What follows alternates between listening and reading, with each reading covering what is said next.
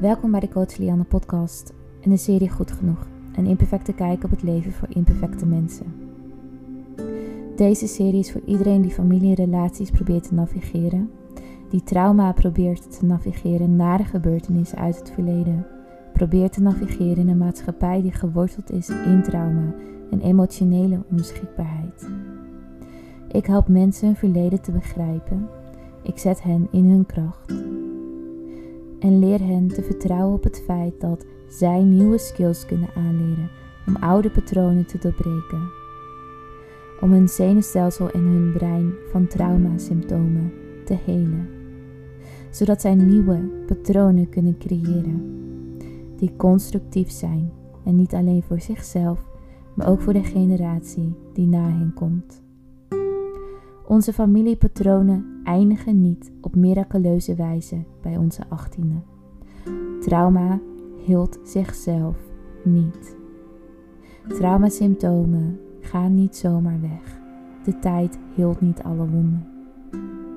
Maar weet dat het nooit te laat is om opnieuw te beginnen. Je bent niet alleen. Je bent niet alleen in jouw drama, in de pijn die je op dagelijkse basis ervaart de emoties die je moeilijk vindt om te verwerken. En weet dat jouw familie, jouw verleden en jouw trauma jou niet definiëren.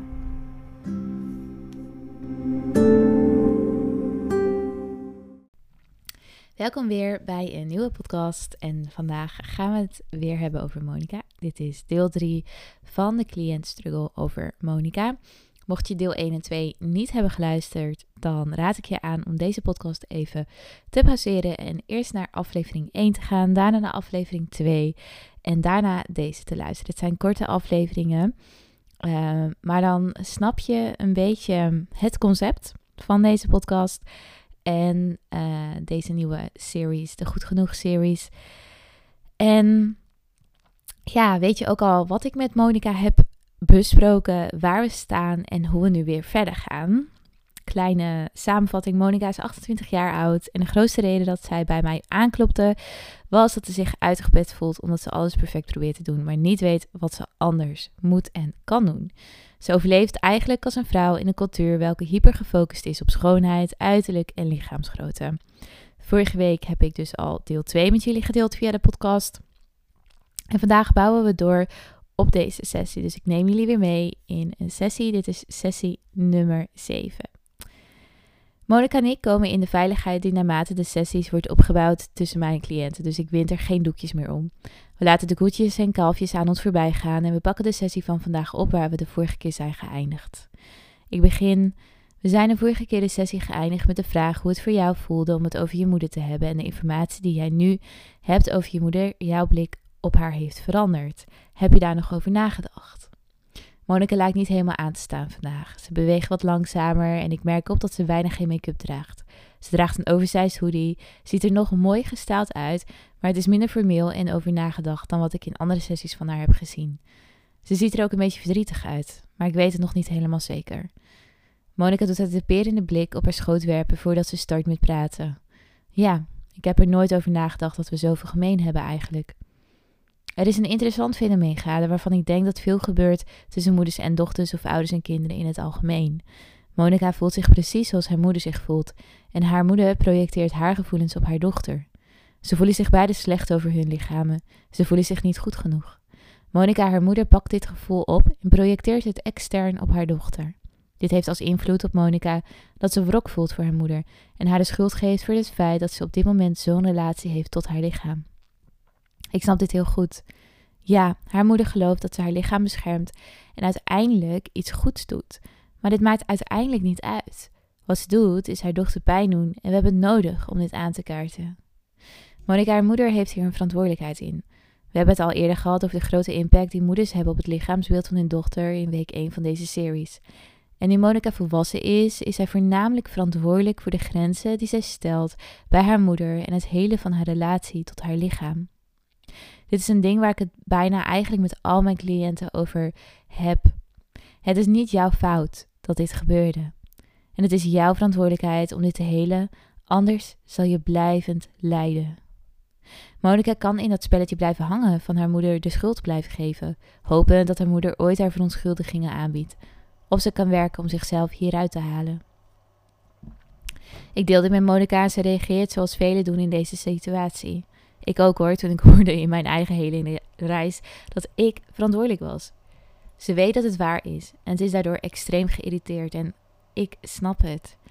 Er is niets vervelender dan de verantwoordelijkheid nemen voor iets en het hele zonder dat jij hebt letterlijk het hebt gebroken.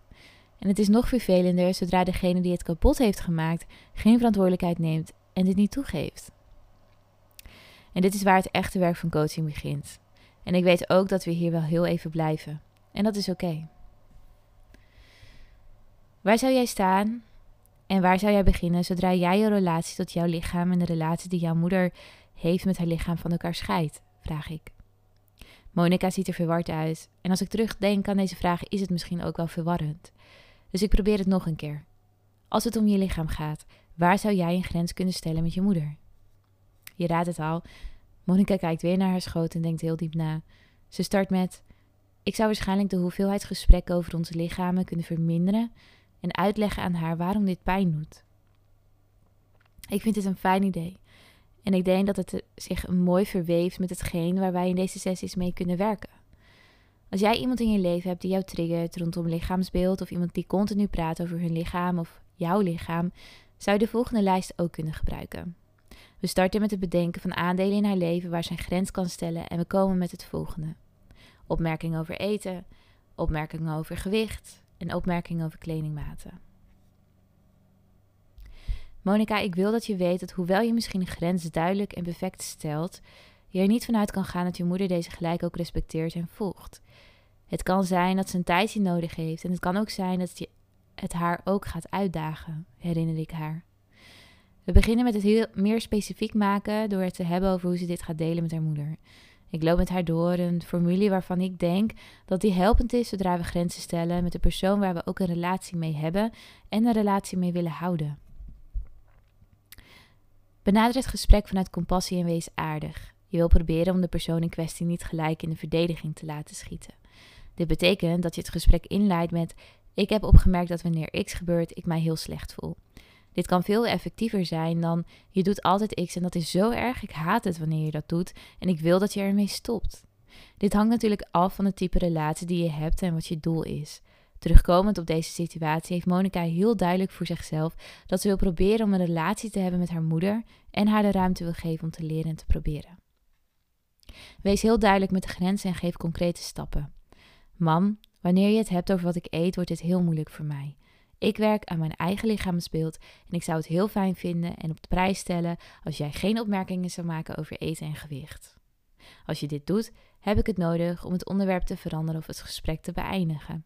Dit is een duidelijke, mooi gecommuniceerde grens. 3. In sommige situaties, zoals die van Monica, is het oké en een optie om de persoon vragen te stellen. Ik denk dat dat veel advies over het aangeven van grenzen vertelt dat je deze moet stellen en bijna een rol aanneemt van als je deze grenzen niet opvolgt, dan heeft het de consequentie. Soms hebben mensen uitleg nodig of ze hebben het nodig om het proberen te begrijpen. Als Monica zich oncomfortabel voelt, kan ze haar moeder de mogelijkheid geven om vragen te stellen met respect en ze kan haar helpen het te leren begrijpen. Dit kan helpen met de grens blijvend houden, omdat haar moeder het idee krijgt dat ze mee kan werken. 4. Raak niet in paniek of denk niet dat je gefaald hebt zodra je de grens herhalend moet stellen. Deze dingen hebben tijd nodig, voornamelijk wanneer je probeert een relatie te helen welke is gevormd vanaf je geboorte. Monica, haar moeder, gaat terugvallen in oude patronen en ze heeft het nodig om herinnerd te worden hieraan. Het belangrijke is, is dat ze hiervoor open staat. Als iemand terugvalt in oude patronen en jij herinnert diegene eraan en diegene zegt iets als: Dit is zo dom, je stelt je gewoon aan en doet dramatisch, ik ga niet veranderen, is dit een rode vlag. Deze persoon in kwestie heeft het niet vergeten of heeft meer oefening nodig. Deze persoon negeert jouw grens. 5. Grenzen stellen of grenzen zijn en stellen doe je niet om anderen te veranderen. Ik denk dat we soms wel eens grenzen stellen ervan uitgaand dat de andere persoon 180 graden gaat draaien en veranderen. Monica kan deze grenzen stellen met haar moeder en haar moeder zou de dieetcultuur nooit begrijpen of haar relatie tot haar eigen lichaam nooit veranderen. Maar dit is niet het doel. Als dit gebeurt is dat een bonus.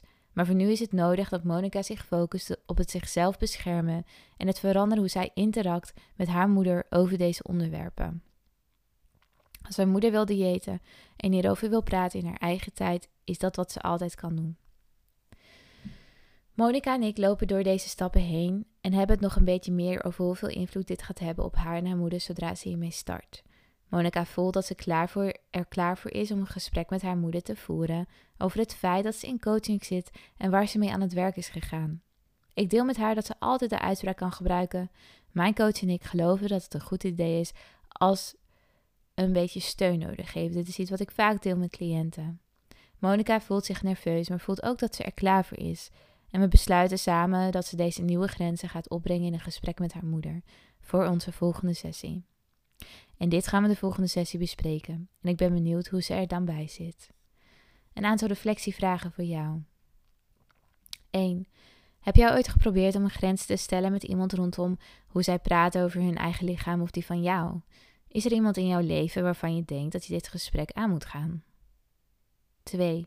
Wat geloof jij over het grenzen stellen bij mensen die jij in jouw leven wil? Brengt dit angst of voelt het comfortabel? 3. Is er een deel van de vijf reminders voor het zetten van grenzen welke moeilijk of oncomfortabel voelen voor jou? 4.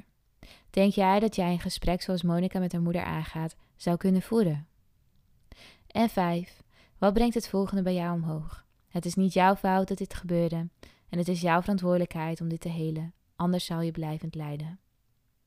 Ik ben heel erg benieuwd wat jouw antwoorden zijn op bovenstaande vragen en schroom niet omdat jij zo, dit gaat goed. Schroom niet om dat mij te mailen via info.lianneblakere.com.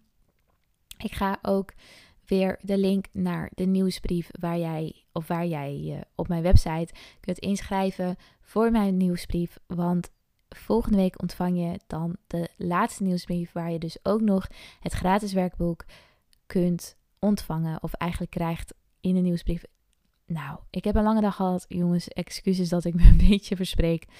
Maar volgende week is de laatste podcast en ook de laatste nieuwsbrief die ik uitstuur over Monica. Waar je ook nog het gratis werkboek ontvangt. Hoe je een goed genoeg lichaam kunt creëren. Dus mocht je dit werkboek graag willen ontvangen, het is best een lang werkboek. Ongeveer 15 pagina's met veel vragen, oefeningen, opdrachten en inspiratie over je lichaam en je lichaamsbeeld. En ja, ik zou zeggen, Schrijf je in, want dan ontvang je hem sowieso volgende week in de volgende client struggle, welke ik ook altijd dus via de nieuwsbrief verstuur. In je mailbox kun je hem dan ook doorlezen. Vind je ook de reflectievragen. En dan gaan we die week later aan de slag met Anna. Maar voor nu nodig ik je uit om de reflectievragen te beantwoorden. Om je aan te melden mocht je dit nog niet hebben gedaan voor de nieuwsbrief, zodat je volgende week sowieso het gratis werkboek ontvangt. Ik zie je weer terug in de volgende cliëntstruggle over Monica.